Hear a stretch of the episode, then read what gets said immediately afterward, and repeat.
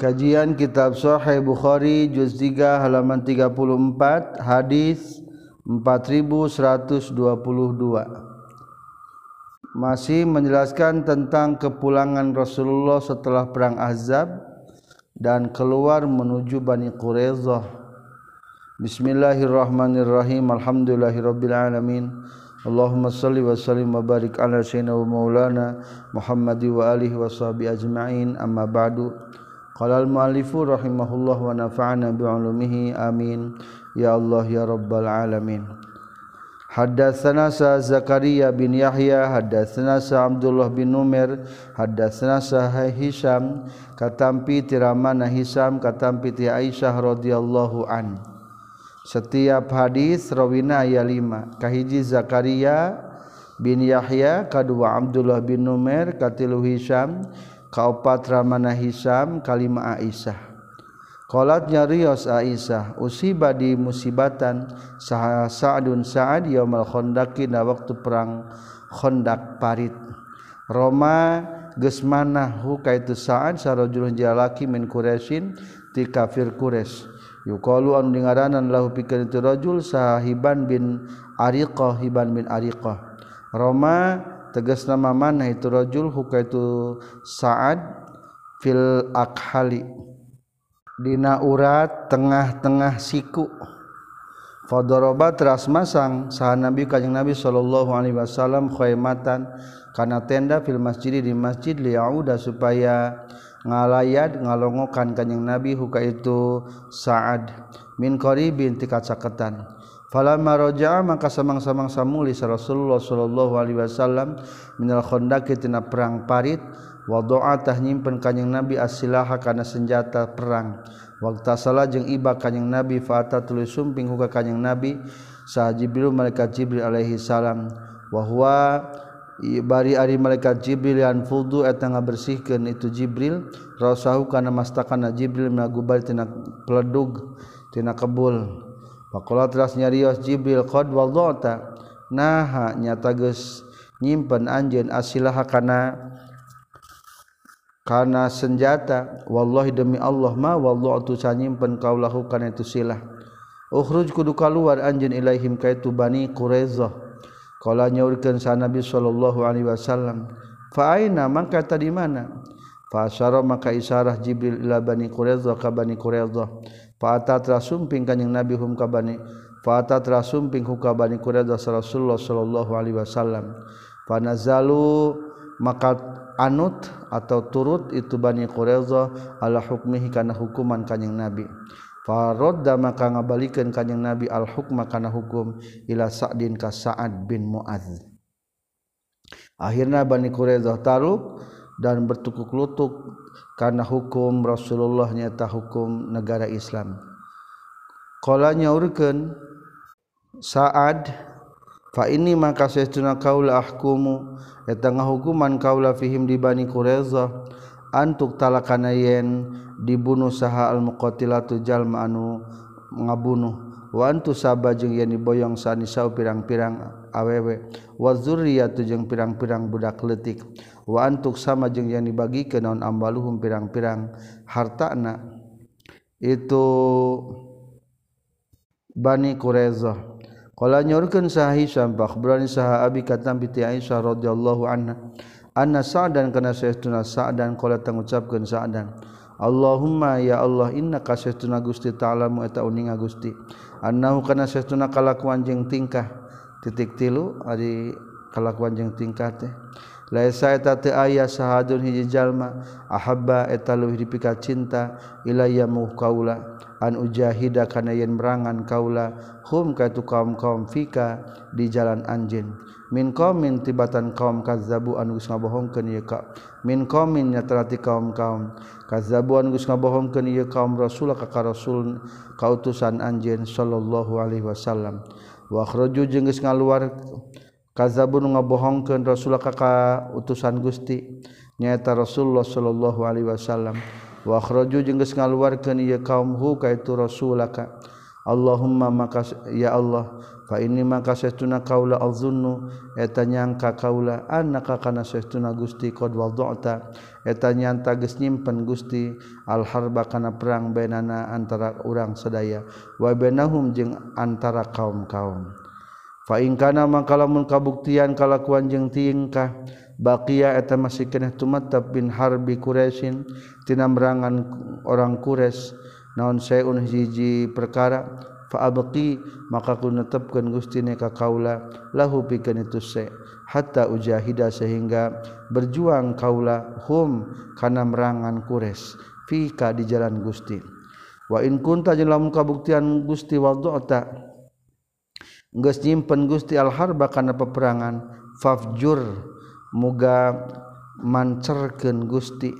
Ha kana eta kana jarhah tatuna Sa'ad bin Mu'ad ditulis. Waj'al jeung buga ngajauh jadikeun Gusti maut kana mautna qaula fi hidayah jarhah. Lamun kira-kira perang tenggesan tatu abdi pancerkeun. hayang maut tina akibat perang. Pan fajaro tuluy narima mancer itu jarha min labitihi. Min labatihi tina dadana sa'ad falam yaru maka tereuwas. Itu ngatengareuwaskeun itu sa'ad hum ka kaum-kaum. Wa fil masjid jeung eta tetap di masjid. Khaimatun ari aya tenda min bani gifar ti bani gifar il naon illa damu kajaba darah yasilu anu ngocor itu damu ilaihim ka tu ahli masjid. Faqalu maka ngucapkeun ahli masjid ya ahlal khaimah he ahli tenda mahaza eta naon hada aridam allazi anu yati nu datang ieu ladina ka urang sadaya mingki balikum ti arah mane kabeh. Fa izan tahdina nalikana itu yatina min kibalikum sa'dun ali sa'ad. Yaghzu etang ngocor darah nasaad yadu etang ngocor nonjarhuhu darah nasaad naonan nadaman darahna. Naon ulangi? Yagdu ngocor bimana yasilu. Naon jarhuhu tatu nasaad naon nadaman darahna. Fama tatului maut itu saad min hatina tu jarha radhiyallahu an tadi teh saat teh aya nu mana ku orang Quraisy barang geus kitu ku Rasulullah ditempatkeun ngadamel tenda di masjid. Da kapukur mata masjid teh teu disaungan ngasukeun di cirian unggul akhirna multiguna di tendaan jang istirahatna saat. Hari barang tos kitu ya Allah berdoa lamun ieu perang jeung Quraisy teh enggesan mudah-mudahan dipancerkeun deui ieu tatu kaula. Hayang maut syahid tina jalan ni Gusti akhirna ngalir deui ngocor deui fan pajarot mancer ngalir dari darahna. Hadasna sal hajaj bin minhal akhbarna su'bah Qala nyurkeun subah akhbarani sahadi anna saytuna adi sami atanguping adi al-barra radhiyallahu an. Qala nyurkeun al-barra. Qala nyurkeun sa nabi sallallahu alaihi wasallam li hisan ka hisan ya maqureza dina poean uh, nyerang ka bani qureza uh juhum uh ju kudu ngahucuhkeun anjeun. Hum ka orang-orang kufar au haji atau kudu ngahucuhkeun anjeun hum ka ka orang-orang kufar wa jibrilu bari ari jibril ma'aka tetap sartana anjeun.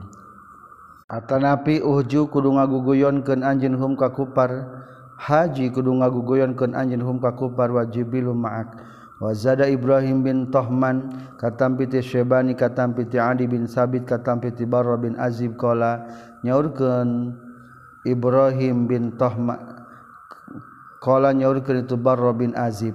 Kola nyaurkeun sa Rasulullah sallallahu alaihi wasallam yauma Quraiza taina waktu perang ka Bani Quraiza li Hisan nyaurkeun ka Hisan bin Sabit. Uhju keluar guguyonkeun anjeun al musyrikin ka orang-orang musyrikin. Fa inna jibril maka tetap jibril teh maka tetap sartana anjeun. Maka satuna jibril tetap sartana anjeun. Babu ghazwati zatir riqa ari bab netelakeun perang zatir riqa. Hartosna anu ngabogaan tambal margi benderana ditambal wahia sareng ari tu ghazwatu zatir riqa ghazwatu muharib eta perang di muharib hasafahkhosofah bin Bani Sa'labah. Nyatana ti Bani Sa'labah sarang gotofan. Panazalan maka liren kanyang Nabi nakhlain na kebon korma.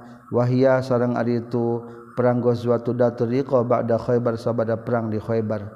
Di anna Aba Musa karena sunnah Aba Musa ja'ata sumping Aba Musa ba'da Khaybar sabada perang Khaybar Wakola jeung nyaurkeun Sa Abdullah bin Raji akhbarna Sa Imran al Attar katam bi Yahya bin Abi Katsir katam bi Abi Salamah katam bi Jabir bin Abdullah radhiyallahu anhuma kana saytuna kanjing Nabi sallallahu alaihi wasallam salat tasawat kanjing Nabi bi ashabi kalawan pirang-pirang sahabatna kanjing Nabi fil khafi dina waktu sieun fi ghazwati sabi'ah dina perang anu katujuh. Ghazwata dzatir riqa tegasna perang zatur riqa. Waqala jeung nyaurkeun sa Ibnu Abbas sallallahu alaihi wasallam yakni ngamaksud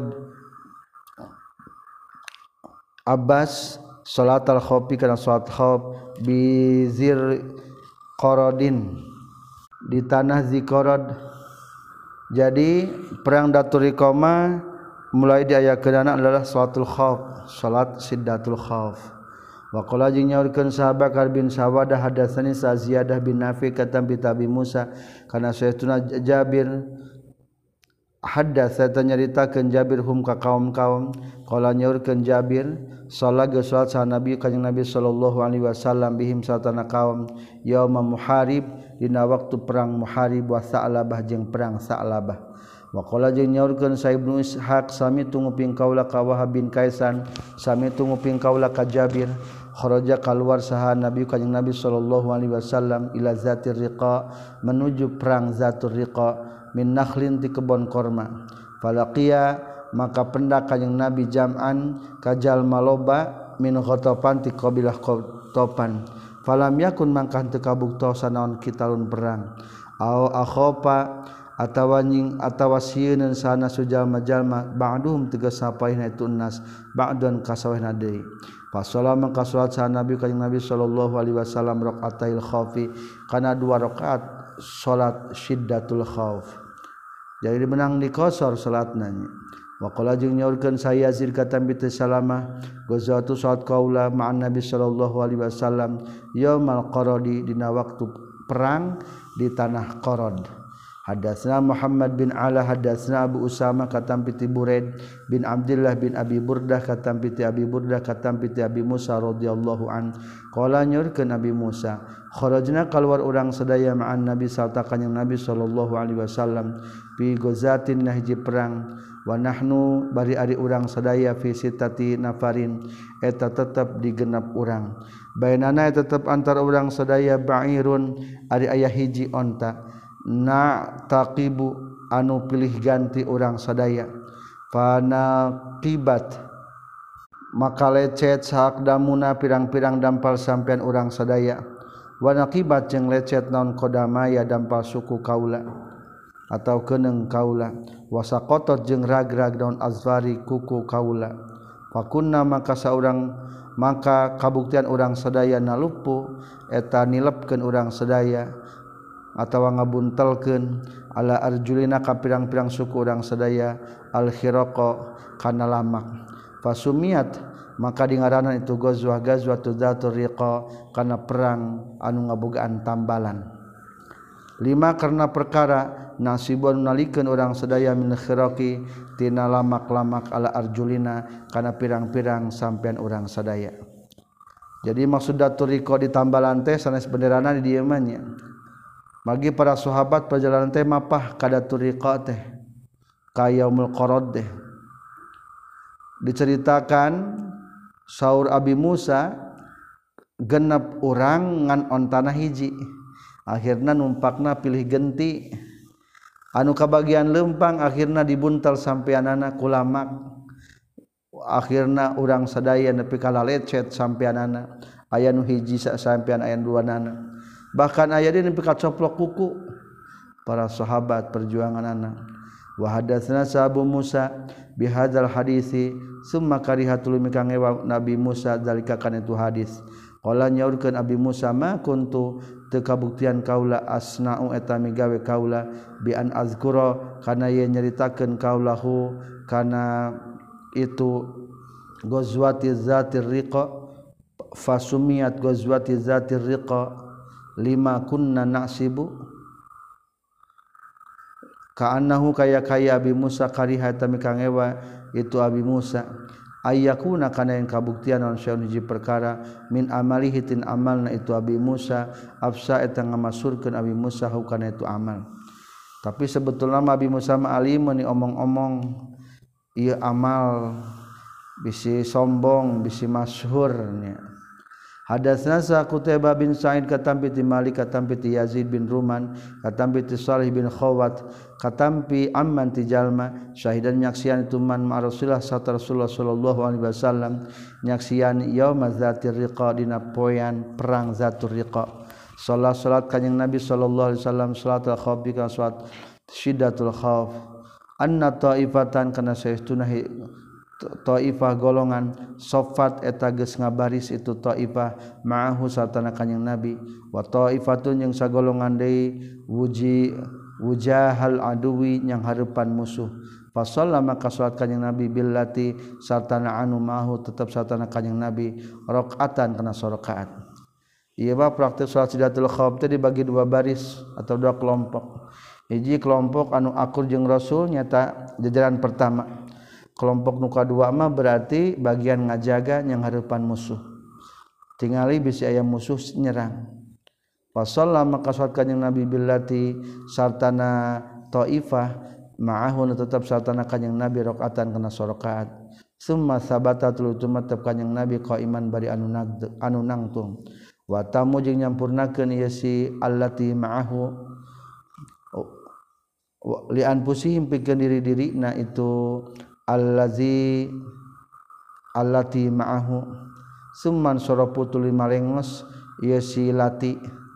Fasopu tulus ngabaris itu silati ujahal adui karena yang hadapan musuh. Barisan nu pertama milu sarakaat jeung rasul. Rakaat kedua masuk masing-masing. Watam mulian pusim sempurnakan menurut salatna masing-masing. Beres salat sop pertama langsung menghadapi musuh tinggal nu tadi can salat jeung rasul. Wajaat jeung datang di taifatu golongan al ukhra nu sajadaina. Fasalla maka salat itu taifatul ukhra bihim. Sartana kanjing nabi ar-raqatal lati kana rakaat anu baqiyat anu nyesa ieu lati min salat itu salatna kanjing nabi. Summa sabata telah sumata panjang nabi jalisan anu bari calik. Wa tamu jeung nyampurnakeun itu al ukhra pusihim ka pirang-pirang derina itu si al-ukhra summa salama tulis salam kanjing nabi bihim sartana al-ukhra. Di luhurana tadi ge pas salat salat kanjing nabi bihim sartana ukhranya ar-raqatal lati baqiyat. Wa qala jinyaurkeun samu ad hadatsna hisam katam piti abi zubair katam piti jabir qala jabir kunna kabuktasan urang sadaya ma'an nabi sallallahu alaihi wasallam binakhlin dina kebon korma. Fazakaro maka nakhlin teh tangkal korma dina tangkal korma. Maksudna mah kebon. Fa zakara tas nyarioskeun itu Jabir salatul khaufi kana salat sidatul khauf qala nyarisa Malik Malik wa zalika jeung ari tu hadis asanu mata pangalusna perkara sami tu nunguping kaula fi salatul khauf dina tata cara salat sidatul khauf Taba'an geus nuturkeun hukaitu Muaz rawina sa'al Lais katam piti Hisam katam piti Zaid bin Aslam. Karena Syekhuna Qasim bin Muhammad hadasa nyaritakeun Qasim bin Muhammad huka itu Zaid salla geus salat sa Nabi ka Nabi sallallahu alaihi wasallam fi ghazwati Bani Anmar dina perang Bani Anmar.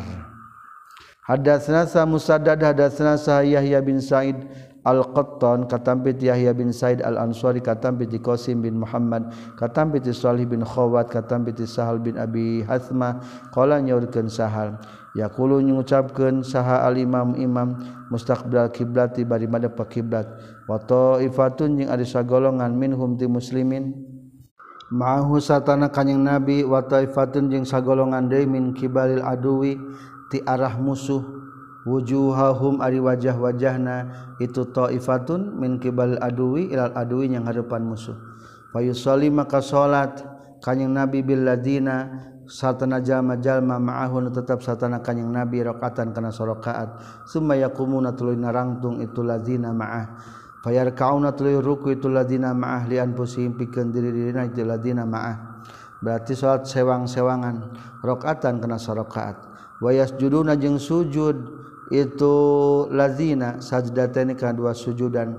Fi makanihimna di tempat-tempatna ieu lazina ma'ahu. Summa yazhabu tulu indit saha haulai ia lazina ma'ah ila maqami ulaik. Karena tempatna itu ta'ifatun min kibalil adu. Faji'atu datang saha ulaika itu golongan ta'ifatun min kabalil adu. Bayar kaum maka ruku kanyang nabi bihim sartana itu ta'ifah min kibalil adu. Rakaatan kana sorokaat falahu maka itu tetap bikin kanyang nabi sintani ada dua golongan. Semayar sintani ada dua rakaatnya. Semayar kauna tuli ruku itu taifatun min kibal adu. Wa yasjudun yang sujud itu taifatun min kibal adu. Sajdatani kana dua kali sujudan Hadatsna Musaddad hadatsna Yahya katam bi Syu'bah katam bi Abdurrahman bin Qasim katam bi Ramana katam bi Shalih bin Khawat katam bi Sahal bin Abi Hasma katam bi kanjeng Nabi sallallahu alaihi wasallam misal kana pantarna hadis. Hadatsani sah Muhammad bin Am Ubaidillah. Hadatsani sah Ibnu Abi Hazim katampi tu Yahya sami anguping itu Yahya ka Qasim akhbaro ngabejakeun ka kaula sah Shalih bin Khawat. Katampi ti Sahal hadatsa nyaritakeun itu Sahal ku ka itu Shalih bin Khawat. Kaulahu kana kasariosan itu Shalih bin Khawat. Hadatsna Sabul Yaman qala akhbarna Sah Syuaib katam bi Zuhri qala Zuhri akhbarna Sah Salim kana Sayyiduna Ibnu Umar radhiyallahu anhu maqala Ibnu Umar gazawtu perang kaulaman Rasulullah serta Rasulullah sallallahu alaihi wasallam qibala Najdin ka arah Najd. Fa fawazaina tuluy yang hareupan urang sadaya al adu wa kamusuh. Fasofafna tuluy baris urang sadaya lahum yang hareupan adu musuh. Hadatsna sa Musaddad hadatsna Yazid bin Zura' hadatsna sa Ma'mar katam bi Zuri katam bi Salim bin Abdullah bin Umar katam bi Ramana Salim bin Abdullah bin Umar. Anna Rasulullah sallallahu alaihi wasallam salasat Rasulullah bihda taifataini kana salah saji dua golongan.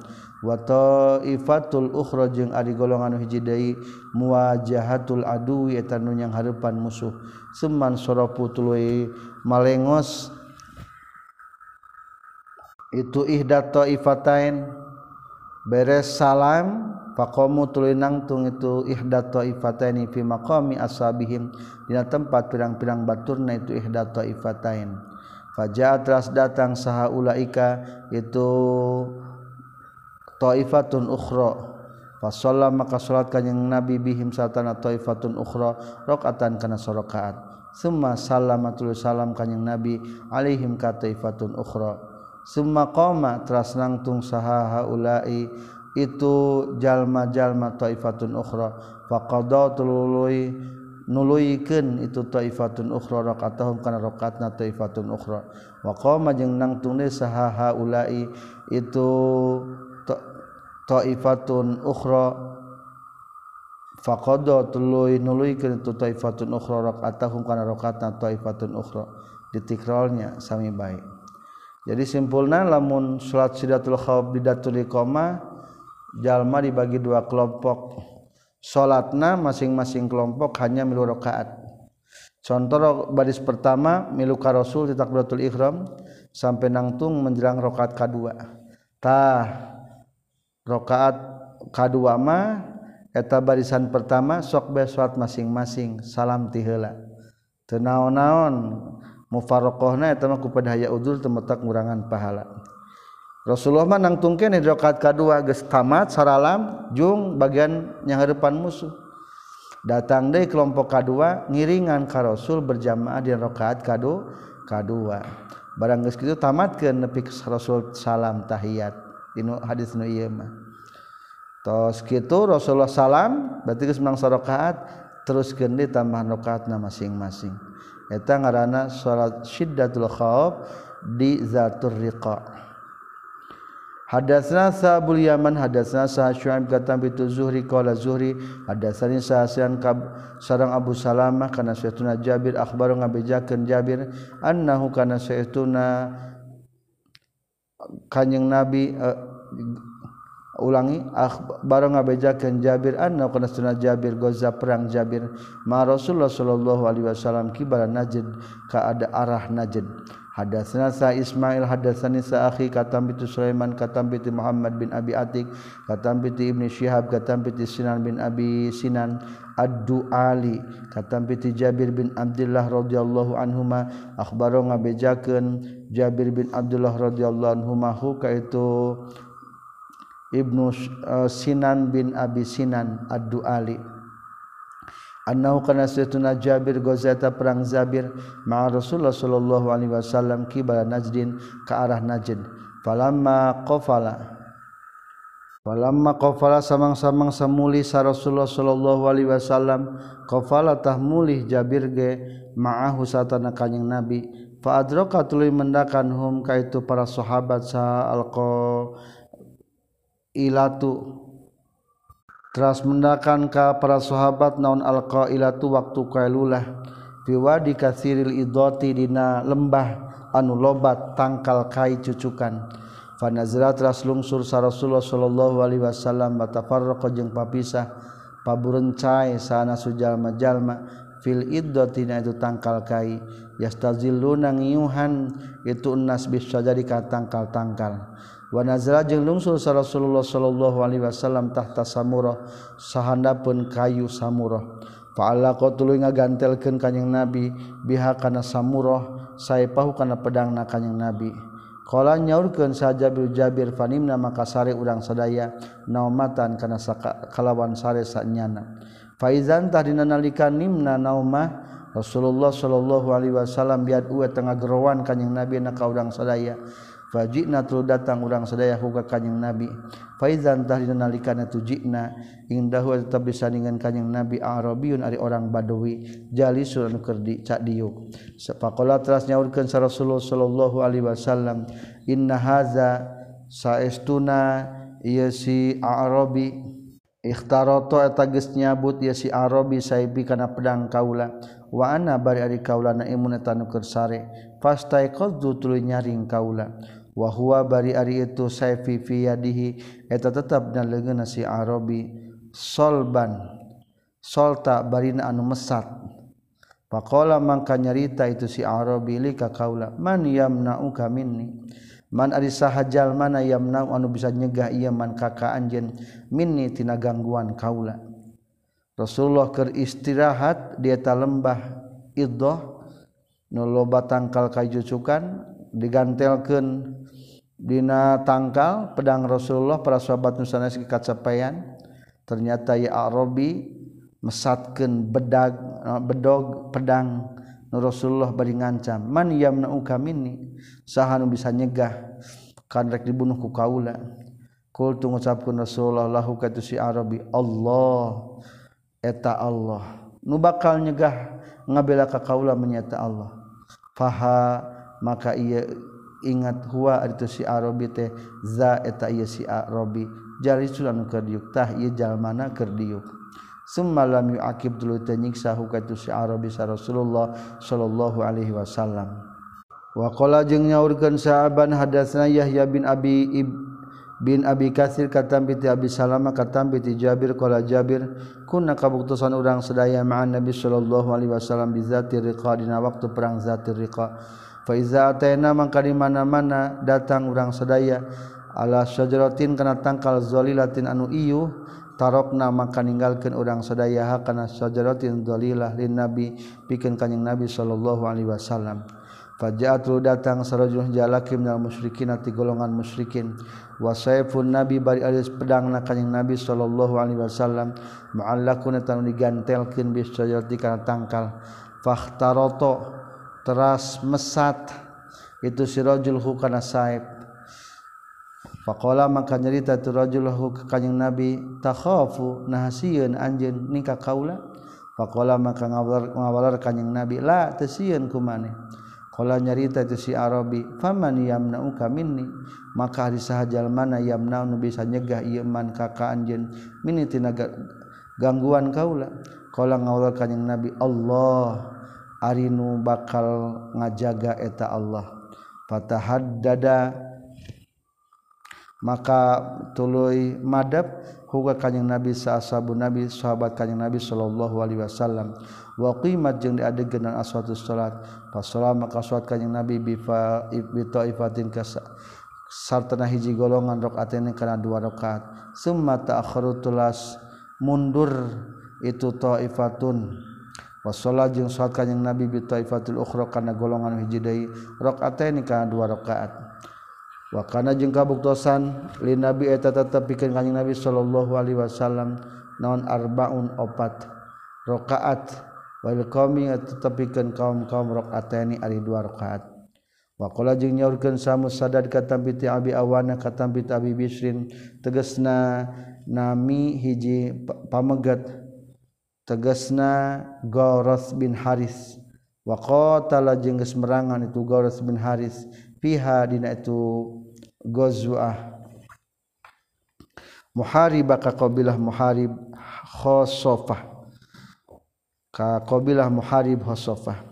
Waqala jeung nyaurkeun Sabu Zubair katampi ti Jabir kuna kabuktian urang sadaya ma'an Nabi sarta kanjing Nabi sallallahu alaihi wasallam binakhlin dina tangkal korma. salat raswat kanyang nabi al-khofa kana salat sidatul khawf.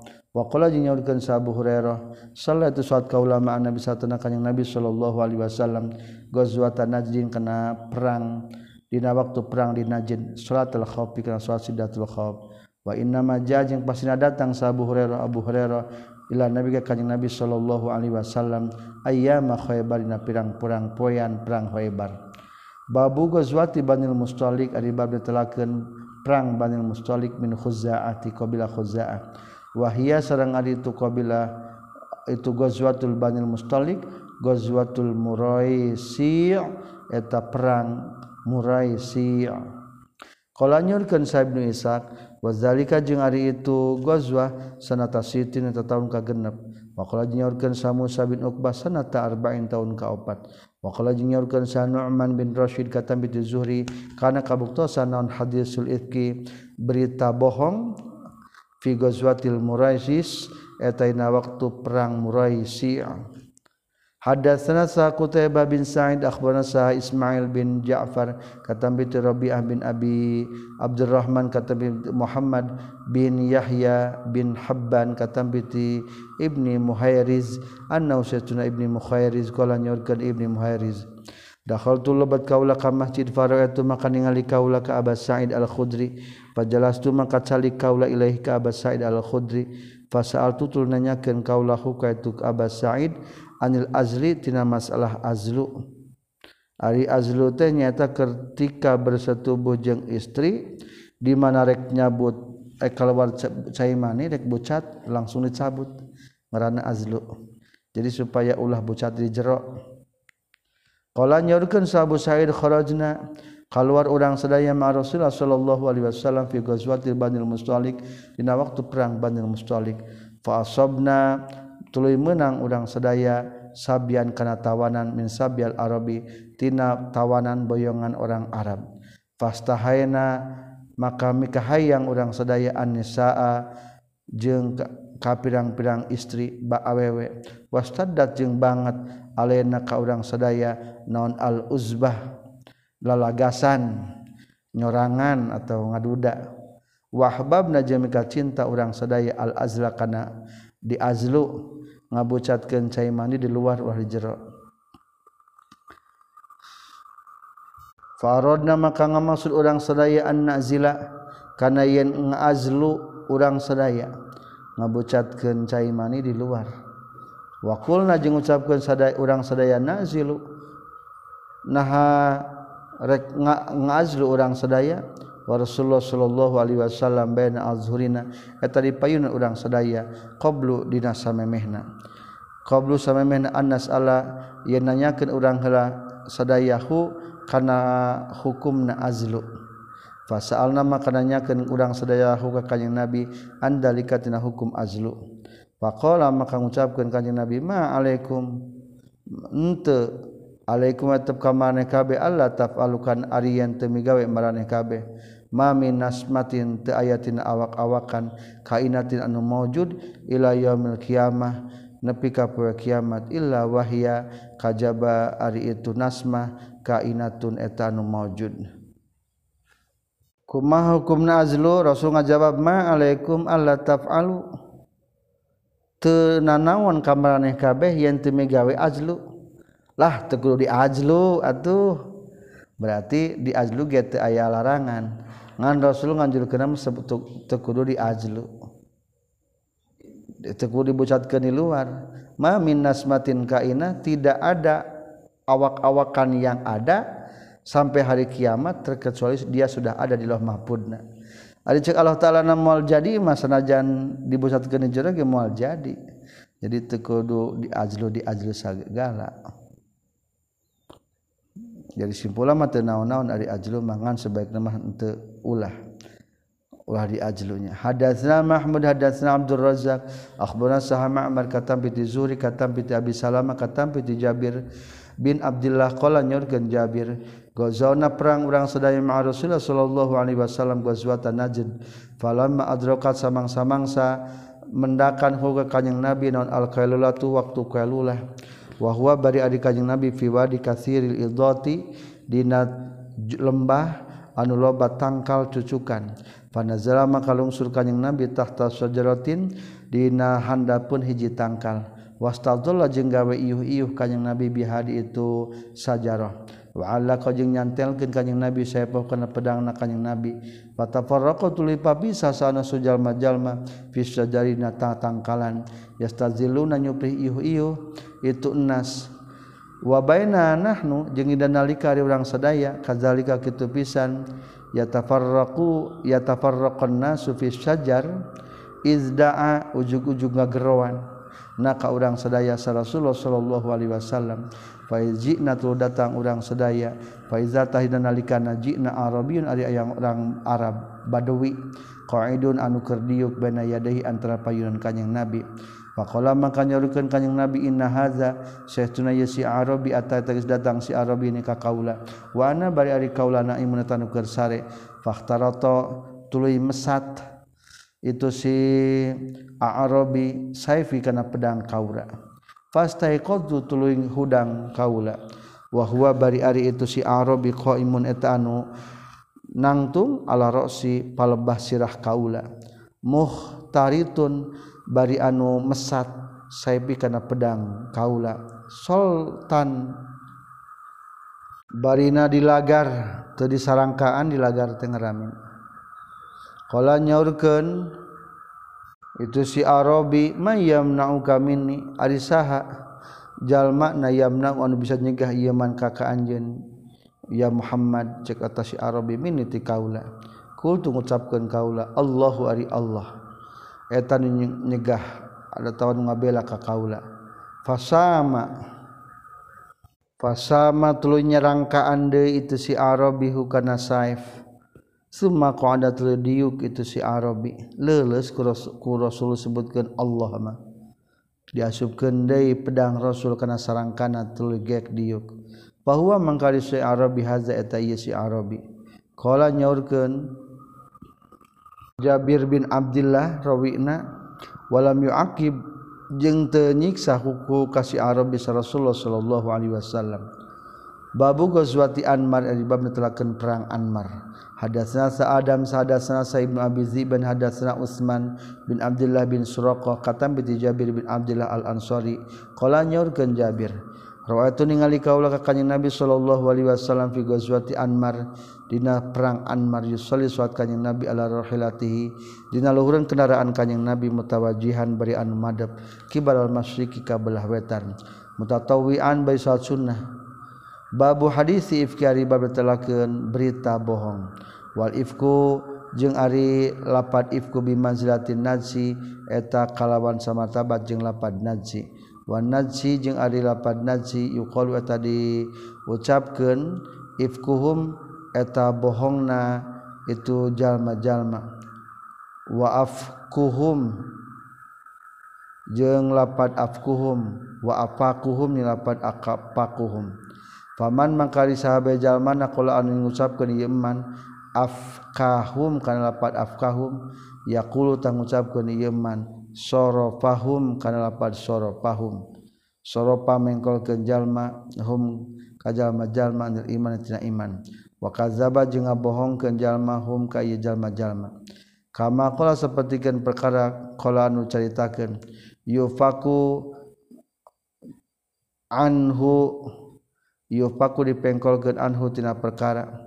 Non min ufiko tina lapad ufiko dipengkolkeun. yusarrafu tegas nama di pengkolkeun anhu tina iman saha manjalma supiro suripan geus dipengkolkeun ieu iman.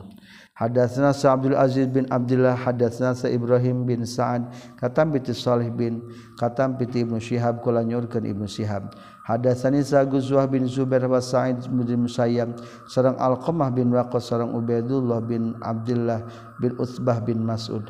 Katampi ti Siti Aisyah radhiyallahu an zaujin Nabi tegasna kanjing Nabi sallallahu alaihi wasallam. Hina qala nalika nyarita huka Siti Aisyah sahalu ifki ahli berita bohong. Maka na perkara qalu anu geus nyarita itu ahlul ifki. Wa kulluhum jeung ari sakabehna itu ahlul ifki. Hadda saya tegas nyaritakeun ni kaula taifatan kana sagolongan min hadisi hatina caritana itu. Min hadisi hatina hadisna itu Aisyah.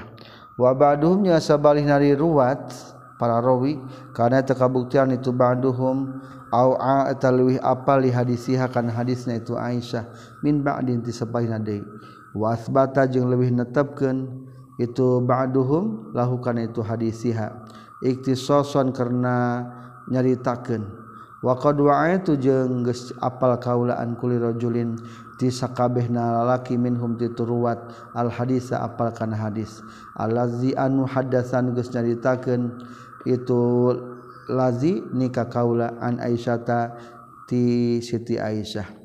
Wa ba'du hadisim nyari sebagian hadisna itu ruwat para rawi yusadiku tengah benerkeun itu ba'du hadisihim ba'dun kan sawahna deui. Wa in kana jeung sabar sanajan kabuktian sabadum sebagianna itu sebagianna ruwat para rawi ra wau alif ta ruwat. Lebih apal itu ba'duhum lahu kana itu hadis min ba'din sebagian deui kalau ngucapkeun ruwat para rawi Walat ngucapkeun sa Aisyah kana kabuktusan sa Rasulullah sallallahu alaihi wasallam. Iza arora di mana-mana maksud kanjing Nabi saporo kana perjalanan akroa tahmun diheula kanjing Nabi baina azwaji antara pirang-pirang bojona kanjing Nabi. Fa ayyuhunna mangkarinu mana bae itu azwajihi kharaja keluar itu ay nak kharaja keluar non sahmuha bagianan itu ayu jatah keluar biha sartana ayu sa Rasulullah Shallallahu Alaihi Wasallam. Maahu sartana kanyang nabi. Maaf maahu sartana sahmuha. Qalat nyaurkeun sa Aisyah tu Siti Aisyah fa aqra'a ngundi kanjing nabi ngalotre bainana antara urang sadaya fi gozwatin haji perang. Goza anu perang kanyang nabi hakana ieu gozwah nyata perang Anmar ieu di dieu nya.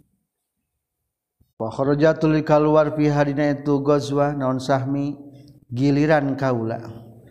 Ternyata kuring kudu milu perang berdasarkan hasil loterian. Akhirnya pakroja keluar kaula ma Rasulullah sata Rasulullah sallallahu alaihi wasallam. Ba'da ma unzila sabada geus diturunkeun naon al hijabu ayat tentang hijab. Istri-istri Rasul teu menang katingali ku para sahabat. Pakuntu maka kabuktian kaula uhmalu eta di momotkeun ditaikeun kaula fi hodaji da sukdu kaula. Akhirna kuring ngabogaan sukdu khusus mawa onta. Wa angzalu tuluy nempat kaula fina ye haudaj pasirna tuluy lumaku urang sadaya. Cicing badina jero sukduk sukduk teh luhureun onta geuning sok aya juga imah. akhirnya kuring asup dirinya. Hatta iza faraga. Sehingga dinalika geus paragat sa Rasulullah sallallahu alaihi wasallam min ghazwati tina perang na kanjing Nabi tilkan itu ghazwah.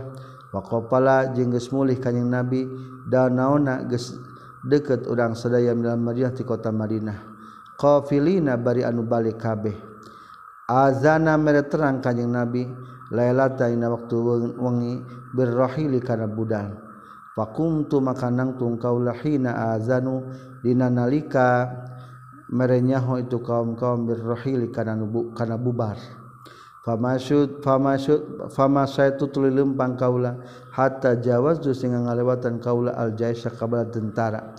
Falamma qadaitu selalu samang-samang samaragatkeun kaula sakni kana tingkah kaula akbal tu tah madep kaula ila rohli kana kendaraan kaula falamistu tuluy nyaba kaula sadri kana dada kaula faidan tah kala mastu sadri ikdun ari kalung limikeun kaula min jaz'i zafarin tina tungtung gelung kodin koto anya teges pegat itu ikdun. Faraja'tu tuluy balik deui kaula ketika Siti Aisyah beres perangna mendampingi Rasulullah terus aya pengumuman kudu arwi arwi ngan kuring mah ka WC heula. ari barang dik balik di kana kendaraan ternyata ngarampa teh kana beuheung na ka mana kalung ieu. Akhirnya Siti aya Aisyah uih deui nyangan kalung. Para jatuh tuluy balik di kaula faltamasdu nyangan kaula ik di kana kalung kaula fahaba satuloy nyengkeun ka kaula non ibdigauhu nyuprihna itu ikdun gara-gara neangan kalung nepi ka tertahan bisa bareng jeung rombongan. Qolat nyarioskeun Siti Aisyah waqbala jeung madhab sarah tu hiji golongan allazina jalma-jalma tegasna jalma-jalma kanu kabuktian itu ladina yurahiluna ngabudalkeun itu jalma-jalma nikah kaula. Fahtamalu tuluy mawa itu lazina haudaji kana sukdu kaula. Parohalu tuluy indit itu lazina hu mawa itu haudaji. ala bairil hurur onta kaula allazi anu kuntu kabuktian kaula arkabu tumpa kaula alaihi lurun itu ladi. Wahum jeung ari itu lazina kanu yarhiluna yurahiluna yahsabuna tanyangka ye ladina kanu yurahiluni. Anni kana satuna kaula fihi eta tetep aya haudaj. Wa kana jeung kabuktosan sanisau pirang-pirang awewe izza kaina waktu keur harita waktu qafala danau mila Madinah eta. Khifafan eta pirang-pirang anu enteng. Falam yahbulna. Maka henteu lintuh itu nisa walam yaksa jeung tenutupan hunna ka itu nisa non Allah mudaging wa innama innama yakulna. Pasina ngadalahar itu nisa waktu harita ma al ulqah kana saeutik minat ta'ami tina kadaharan. Falam yastankir maka henteu nganggap inkar tenganggap asing. Saha al kaum kaum kaum khifatal haudaji kana hampangna sukduk. Hina ropa udina nalika ngangkatkeun itu kaum hukan itu haudaj wa hamalu jeung marawa itu kaum hukan haudaj diceritakan ketika Siti Aisyah KWC akhirnya tadi marawa kaurang mah.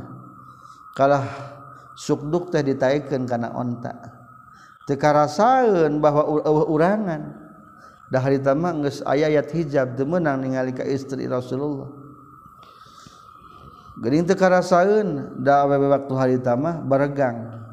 Teu katutupan daging teu lintuh-lintuh. Jadi palam yastankir teu ngarasakeun asing. Teu teu curiga eueuh Siti Aisyah. Simpulna Siti Aisyah tertinggal tina aleutan soalna Siti Aisyah tadi namina kalung wakuntu jeung kabuktian kaula jariyatan eta awewe muda hadis atas sini anu ngora umurna. Faba'atsu tuluy faba'atsu tuluy ngahudangkeun itu kaum luhurna aljamala kana onta-onta fasaru tuluy lalempang itu kaum. Wa wajadtu jeung manggihan kaula ik di kana kalung kaula. Barang kapanggih kalung ari kaum lagi geus lempang katinggaleun simpulna mah. ba'da masta marra sabada yen geus ngaliwat salja subal tentara. Fajitu tuludak datang kaula manazilahum kana tempat-tempatna itu kaum atau kana jes ulangi fajitu tul datang kaula manazilahum kana tempat-tempat jes walai sabaritaya biha tetap di itu manazilahum minhum titu jais sahadain anu ngagud anu ngundang wala mujibun jeung daya nu ngajawab. Pataman itu pataya mam tutul nija kaula manzili ka tempat kaula allazi anu kuntun kabuktian kaula fihi na ieu manzili. Akhirna barang ka tempat semula teh ternyata geus eueuh eueuh nu ngagero eueuh anu ngajawab berarti geus eueuh saha-saha. Akhirna siksa Aisyah teh ah urang mari kembalikan tempat asal we. supaya gampang neangan deui. Wazanantu jeung nyangka kaula annahum kana saytuna jais sayap kidu bakal ngarasakeun kalengitan itu jais ni ka kaula. Fayarji'una tul baralik itu jais ilaya ka kaula. Akhirna diugda tempat semula supaya engke di mana ingeteun teh balik kana tempat semula diukna kaula. Fabaina ana dina nalika ari kaula jali satuna tanukeun diuk pimanzina tempat kaula. golabat ngalindih nikah kaula non aini panon kaula. Tunduh panim tu tuluy sare kaula. Wa kana jeung kabuktosan sa Sofan bin Mu'attal As-Sulami semadakwani tuluy geus kabukti sareng geus kabuktian Sofan bin Mu'attal As-Sulami ad-Dakwani mi warail jais eta ti satu kangen bala tentara. Kabeneran biasana sok aya tim penyapu. Tas Sofwan bin Mu'attal adalah tim penyapu posisinya di belakang tentara. Lamun geus maju kakara tim penyapu maju. Bisi aya anu katinggalin. Akhirna pa asbaha tuluy manjing subuh itu Sofwan bin Mu'attal inda manzili di tempat kaula. Faro'a tuluy ningali itu Sofwan bin Mu'attal siwada insanin kana jungkrang na jalma na imin anu kersare patul terangan tu sofan nikah kaula. Hina ro'a nalika ningali tu sofan nikah kaula wakana jeung kabuktasan Sofwan roh ningali Sofwan ka kaula qabla hijabi samemeh ayatna hijab. Fastaiqadu tuluy nyaring kaula bistirjaihi kumaca istirja'na Sofwan bin Mu'attal. Aris istirjati nyata maca innalillah wa inna ilaihi rajiun. Sofwan teh kaget isuk-isuk teh nah aya Siti Aisyah keur bobo ngarengkol. Na tempat na bari eueuh batur. gening kenal dages kenal baheula ti memeh turun ayat hijab maka kenalin. Bistirjaihi hina aropa dina keterangan itu sofani ka kaula.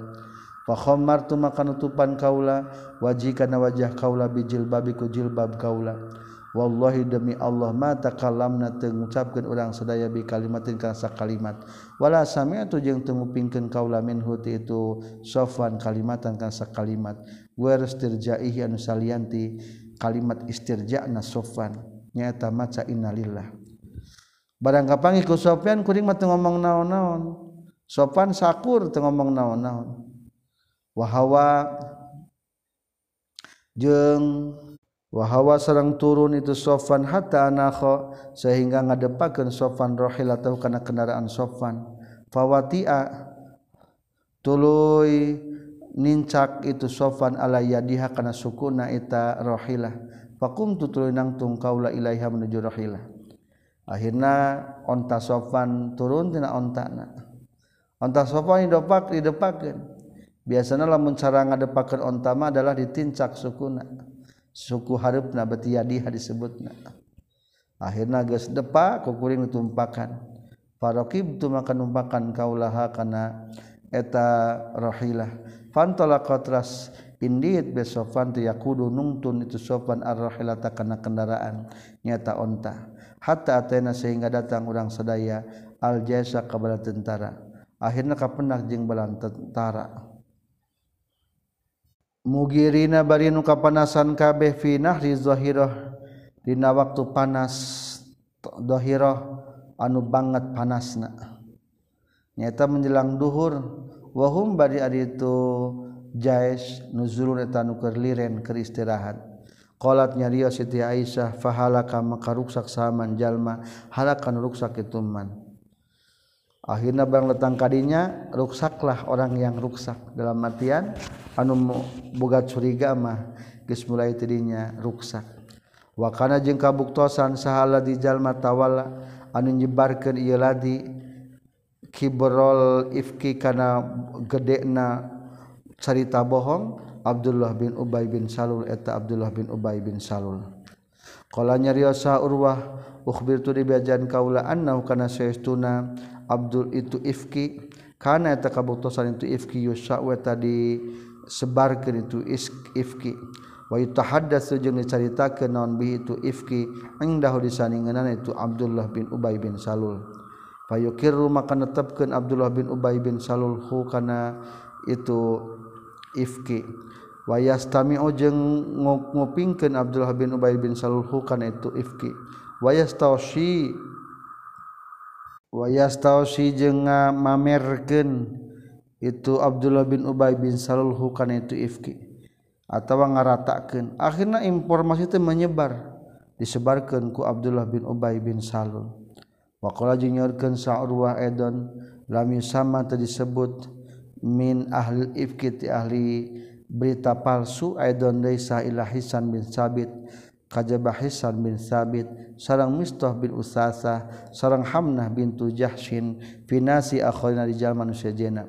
La ilma tayanya ilmu tetap di kaula bihim kaitu nas ghaira annahum saytuna tutun nas.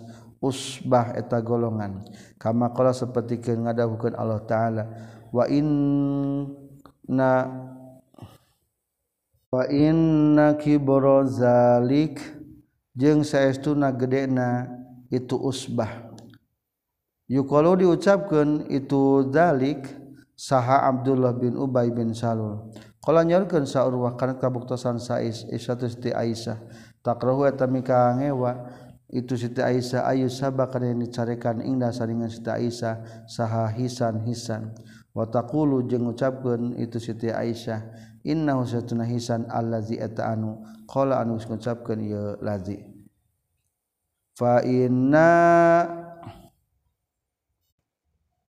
fa inna fa inna abi wa walidahu وإردي لعردي محمد minkum wiqa'u fa inna abi maka satuna bapa kaula wa walidahu jeung bapakna itu abi wa irdi jeung kahormatan kaula li irdi Muhammadin karena kahormatan Nabi Muhammad sallallahu alaihi wasallam. minkum timaneh kabeh wiqaun eta nu kariksa bapa kaula jeung bapakna bapa jeung kehormatan kaula demi kehormatan Rasulullah aku terjaga dari kawadah kamu sekalian. He para penyebar berita palsu. Nyary satu Siti Aisyah. Pakdim maka datang kaula Al-madinah takam Madinah. Pasta itu tuli Gering kaulah. Hina qdim tu dinalika datang kaulah Syahron Gering sa bulan awin nasu atawa arijallma-jalma yufiduna. Yufiduna tanga mashurkeun ye jenas piqali ashabil ikida ucapan ahli berita palsu. La asyuru tanya kaula bisain kana haji perkara min dalika tina itu ifki.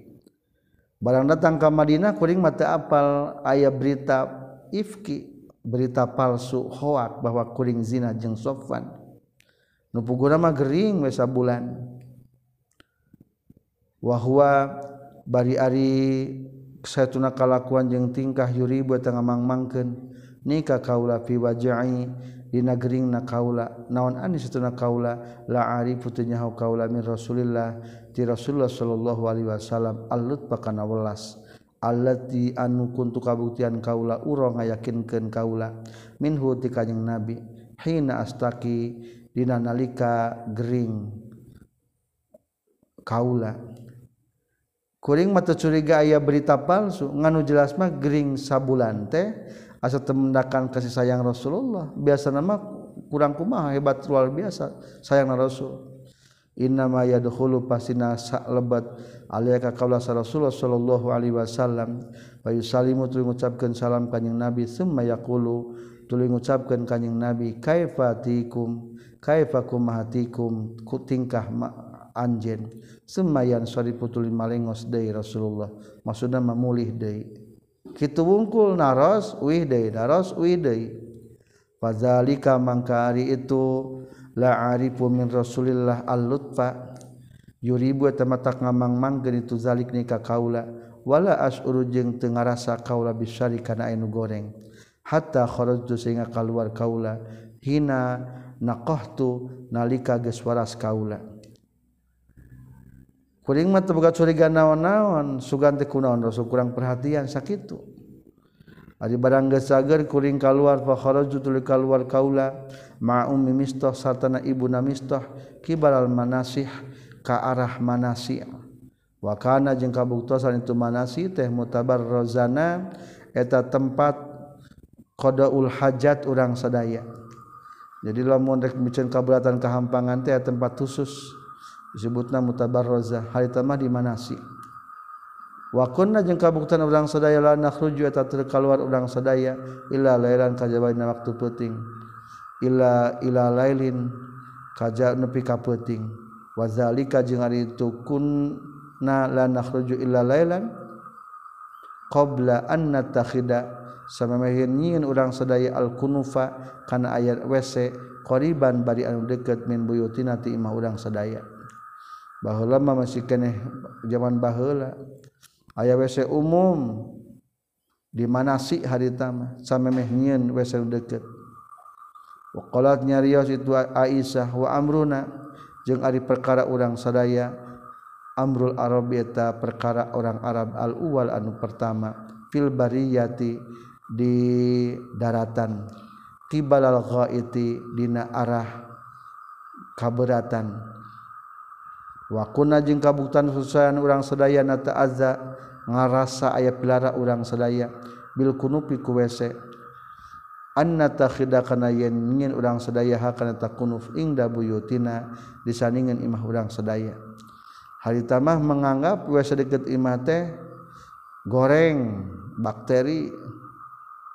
Qalat pantolak tu ana wa ummu mistah Siti Aisyah menceritakan mulai tentang penemuan hadis ifki. Sekian berlanjut di episode berikutnya.